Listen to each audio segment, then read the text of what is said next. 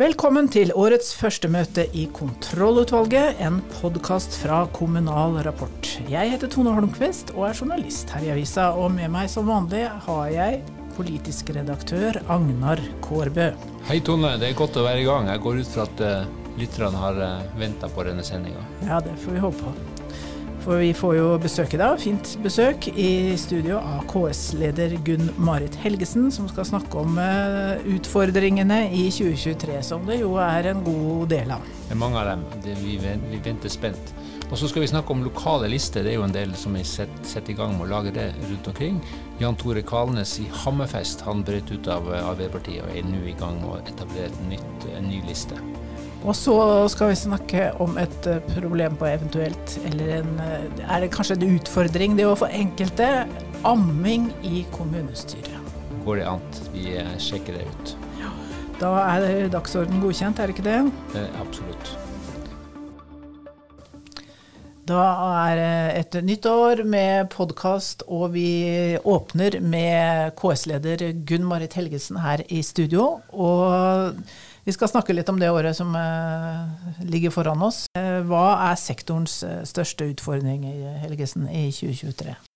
Vi har jo laga et debatthefte som vi skal ut til medlemmene med på disse strategikonferansene. Og der har vi liksom skissert eller tatt frem åtte store utfordringer. Åtte? ja. Og det handler egentlig om Vi blir flere eldre. Eh, det betyr at det kommer til å bli press på helse- og omsorgstjenester fordi vi klarer ikke å rekruttere nok personell. Vi har ikke nok eh, folk, faktisk. Eh, kompetent arbeidskraft innenfor sektoren. Så det er på en måte ett stikkord. Vi kan kanskje komme litt tilbake til å utdype det mer.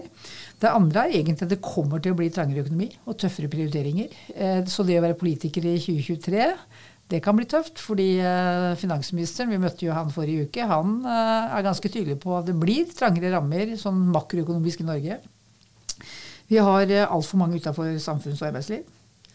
Det er en utfordring. Hvordan kan vi få de inn i arbeidslivet, inn i utdanning? Vi har eh, en klima, natur og ja, katastrofe, holdt jeg på å si, krise.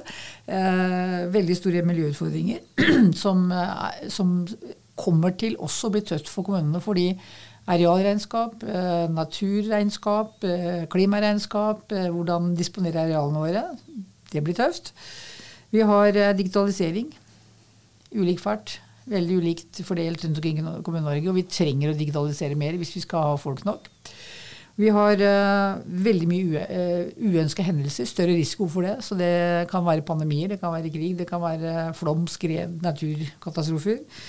Uh, demokrati utfordres over hele verden, og også i Europa, også i Norge, med en tøft ordskifte. Og vi har, eh, som sagt innledningsvis, mangel på personell, eller mangel på folk. Vi snakker nå til blir eh, hørt på av en del lokalpolitikere og kommunale mm. ledere i ulike posisjoner. Og de kan kanskje føle seg litt sånn Oi, det var alt dette her skal vi løse nå i løpet av et års tid, eller jeg har lyst til å starte med at kommunene er utrolig gode på omstilling. Eh, og det så vi under pandemien, hvordan man klarer å eh, bli kreativ og finne løsninger i akutte situasjoner. Så det er kanskje spesialkompetansen til veldig mange kommuner. Så jeg har, liksom jeg har lyst til å starte med å gi eh, både honnør til kreativiteten og omstillingsevnen som de faktisk har. Og det må vi på en måte jobbe mer med. Rett og slett hvordan kan vi samarbeide på nye måter? Hvordan kan vi eh, bruke ressursene bedre? Vi må involvere innbyggerne mer, vi må involvere sivile samfunnet mer. Vi må se på hvordan vi jobber, faktisk. Du sa at kommunene er gode til å håndtere uønska hendelser, og pandemien har vært et godt eksempel. Det er riktig. Men da skjønte vi at her måtte det gjøres noe. Mm. Eh, noen av disse tingene du beskriver, er litt mer eh, De vokser frem over tid, og så blir de mye større, en mye større utfordring enn pandemien. F.eks. dette med å rekruttere mange nok og riktig nok folk. Hva er jeg tror kanskje det er den vanskeligste utfordringen, fordi vi har jo ikke folk nok i dette landet. Eh, og spørsmålet er da hvordan bruker vi ressursene innenfor helsevesenet? Eh, hvordan bruker vi sykepleierårsverket, legeårsverket? Kan vi, kan vi fordele oppgaver og ansvar på en annen måte? Og det må vi hvis vi skal klare det. Kan vi bruke teknologi? Det foregår jo mye sensorutvikling, teknologi, som kan ivareta noe av disse helseoppgavene. Men allikevel så må vi ha folk i bransjen, eller på dette området. Eh, men det er nok eh, Og så er det veldig mange som er utafor arbeidslivet, som vi bør kvalifisere og få inn i arbeidsliv eller utdanning.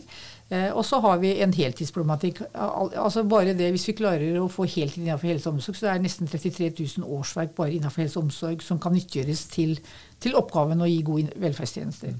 Syns du partiprogrammene og partiene i, dem, i sin retorikk gjenspeiler de utfordringene du har beskrevet? Nei, Nå har ikke jeg sett så mange partiprogram foreløpig, fordi jeg er vel akkurat i den startgropa nå på å gjøre de ferdige og sånn. Men, eh, men, det som jeg tror kan bli tøft for politikere Nå har vi hatt minst 20 år med bare vekst i kommunebudsjetter.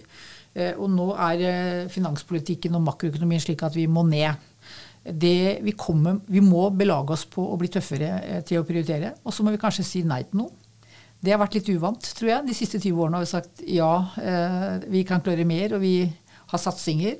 Nå må vi faktisk begynne å si nei til noe. Hva må vi si nei til, tror du? Ja, Det blir jo opp til hver enkelt kommune, da. Eh, fordi det kan jo være at et sted så har de kanskje mangler i lærere, mens et annet sted så er det først og fremst helse- og omsorgspersonell. Men, men eh, så, så, det kan jo være ulike løsninger. Og det kan jo tenkes at noen steder som har vært veldig flink til å disponere arealene, slik at man eh, bygger ut, om det da er fornybare energikilder innenfor eksisterende industriarealer eller innenfor eksisterende eh, arealer, mens andre kanskje har spredd det ut. Så de må begynne å si nei, vi kan ikke bygge ut eh, vindkraft i, i, uberørt natur. For det kommer denne naturloven til å stoppe. Men vi må finne eh, egna områder til næringsutvikling til fornybar energi, eller hva det nå skulle være. Så det, det vil være ulike svar i de ulike kommunene. Harde prioriteringer betyr jo tøffere konflikter og en tøffere hverdag for det kan også bety. Det kan også bety. Og det hva, er jo, men hva er ditt gode råd som, eh, til de lokalpolitikerne som skal møte disse, som skal gjennomføre prioriteringene, møte konfliktene? Jeg tror eh, Hvis vi klarer å få en god dialog med innbyggerne, altså hvis vi klarer å få innbyggerne med på laget og skjønne at vi kan ikke bare fortsette sånn som nå og overforbruke naturareal f.eks., eh, så er det lettere hvis vi har den samme virkelighetsoppfatningen. Det betyr at du må faktisk eh, diskutere det med innbyggerne, involvere de og få de til å være enig i at her må vi gjøre noen andre prioriteringer enn det vi har vant til. Det håper jeg er notert der ute. I løpet av året så kommer det en del spennende NOU-er. Får kommunesektoren litt drahjelp fra disse dokumentene til å gå løs på utfordringen, finne løsningen, ta de tøffe valgene? Ja, Det får vi jo håpe. Eh, det er jo som du sier, det er fire spennende sånne håper jeg, meldinger eller, eller, rapporter som kommer. Eh, eh, og alle er jo veldig relevante for kommunesektoren. KS har jo hatt representasjon i, et par av de iallfall. Både Generalistkommuneutvalget og Helsepersonellkommisjonen. Det kommer også Energikommisjonen. Vi har jo spilt inn ja. på det også. Så jeg håper, jo, jeg håper jo virkelig at her eh, legger man opp til eh, at kommunene som har ansvar, har fleksibilitet og virkemidler til å ta det ansvaret de faktisk forventes å ta.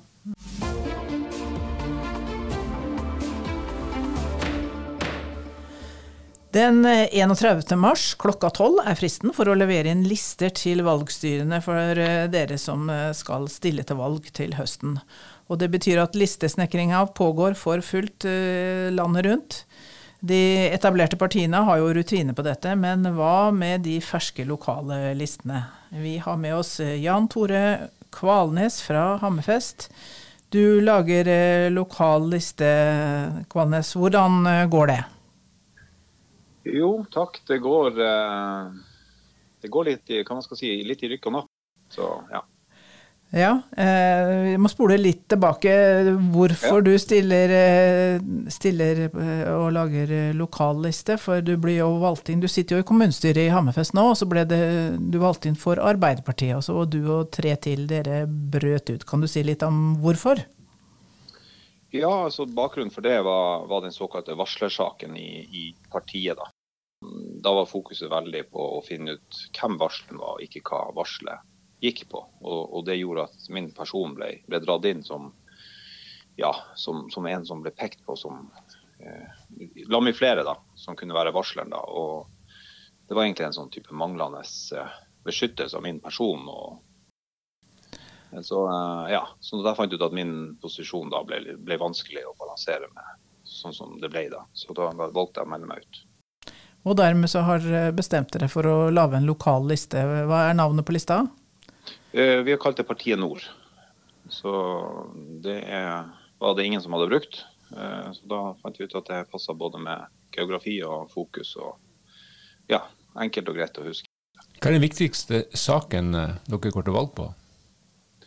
Det viktigste saken er jo det her med, med, med, med mental helse, psykisk helsevern, og, og, ikke minst det her med arealproblematikken i kommunen. Det er jo egentlig to saker, da, men det, det er de to viktigste sakene våre.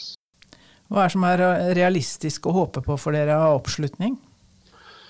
Nei, altså vi, uh, vi har sagt uh, internt hos oss at vi, vi, vi, drømmer om 10% men vi er veldig fornøyd om vi får to, to representanter i det nye kommunestyret. Men 10% oppslutning vil gi oss tre representanter sånn røftlig, pluss-minus 10% fordi at vi blir litt færre representanter neste gang.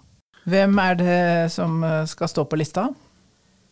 Foreløpig så er det to, eh, to kandidater som er klare. Det er, det er meg som er listetopp, og så er det Heidi, eh, Heidi Mauno Sletten som er nummer to. da. Og hun sitter også i kommunestyret i dag? Ja. Kommer det andre, Skal dere ha erfarne politikere, eller vil dere ta hvem som helst som melder seg? Nei, altså vi har, vi har allerede Vi har egentlig den neste delen av lista klar. altså Den fra tre til, til ni er, er egentlig ganske ferdigspikra. Vi er ganske enige om det. Men vi tenkte at vi skulle kjøre en litt, litt mer dypdykk i det. Men vi har faktisk fått noen som ikke har vært, altså som er engasjert politisk, men som ikke har vært parti i partipolitikken som, som, som vi antagelig får på en, en fjerdeplass. I tillegg så er det en, en som foreløpig er medlem av et annet parti, som, som er klar for, for, for tredjeplass. Dere er da ikke noe politisk parti, dere er en liste og dere har ja. erfaring og sånn. Men eh, får dere noe gjennomslag? Politiske partier har jo den fordelen at de har en organisasjon, de har erfaring, de har kultur osv. Får dere satt noen spor? Ja, altså vi, vi tror jo det. Vi, vi, ser jo at de, de etablerte partiene altså Nå er det jo sånn at Arbeiderpartiet styrer jo både lokalt, på fylket og, eh, og nasjonalt. Men, men, de sakene som, som er særs viktige for Hammerfest, er det jo altså, til dels manglende forståelse for, i hvert fall på regionalt uh, nivå. Ja, da får vi bare ønske dere lykke til med Partiet Nord. Eh, takk skal du ha, Kvalnes.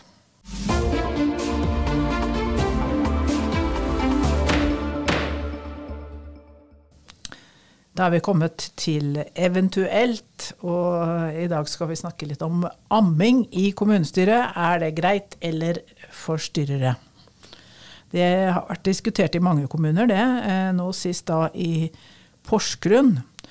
For eh, i bystyret i Porsgrunn så vil Aps gruppeleder gjerne fortsette i politikken, selv om hun venter barn nummer to. Og det er jo selvfølgelig veldig bra.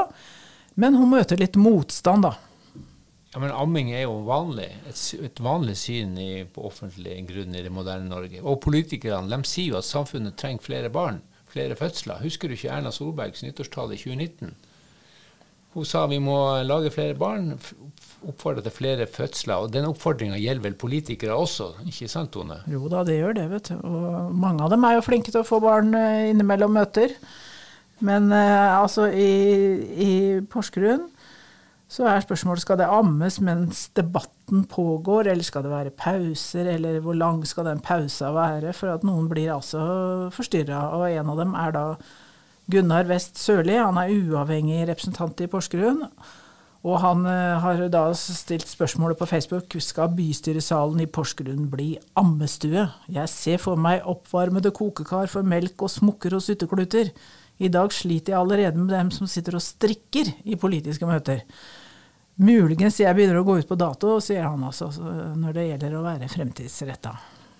Han har rett i at han kanskje er i ferd med å gå ut på dato. Litt strikking må han jo tåle. Men så er det selvfølgelig poenget at hvis det blir for mye barnegråt, så kan det gå utover den kvaliteten på den politiske debatten, hvis ikke du hører eh, hva dine kolleger i, i, dette organet sier. Men vi snakker om politikere. De må jo kunne finne fram til et kompromiss som ivaretar de ulike hensynene, og hvor begge parter gir litt eh, sånn at man kommer fram til omforent løsninger. Er ikke du enig? Jo, jeg er enig. Amming er greit. Begynner ungen å hyle, så kan du gå ut. Ta med deg og gå ut. Det går, der er kompromisset mitt. Ok, saken er med det løst. I studio så var denne gangen også Agnar Kårbø, Tone Hornquist, og ansvarlig redaktør for kontrollutvalget og Kommunal Rapport er Britt Sofie Hestvik.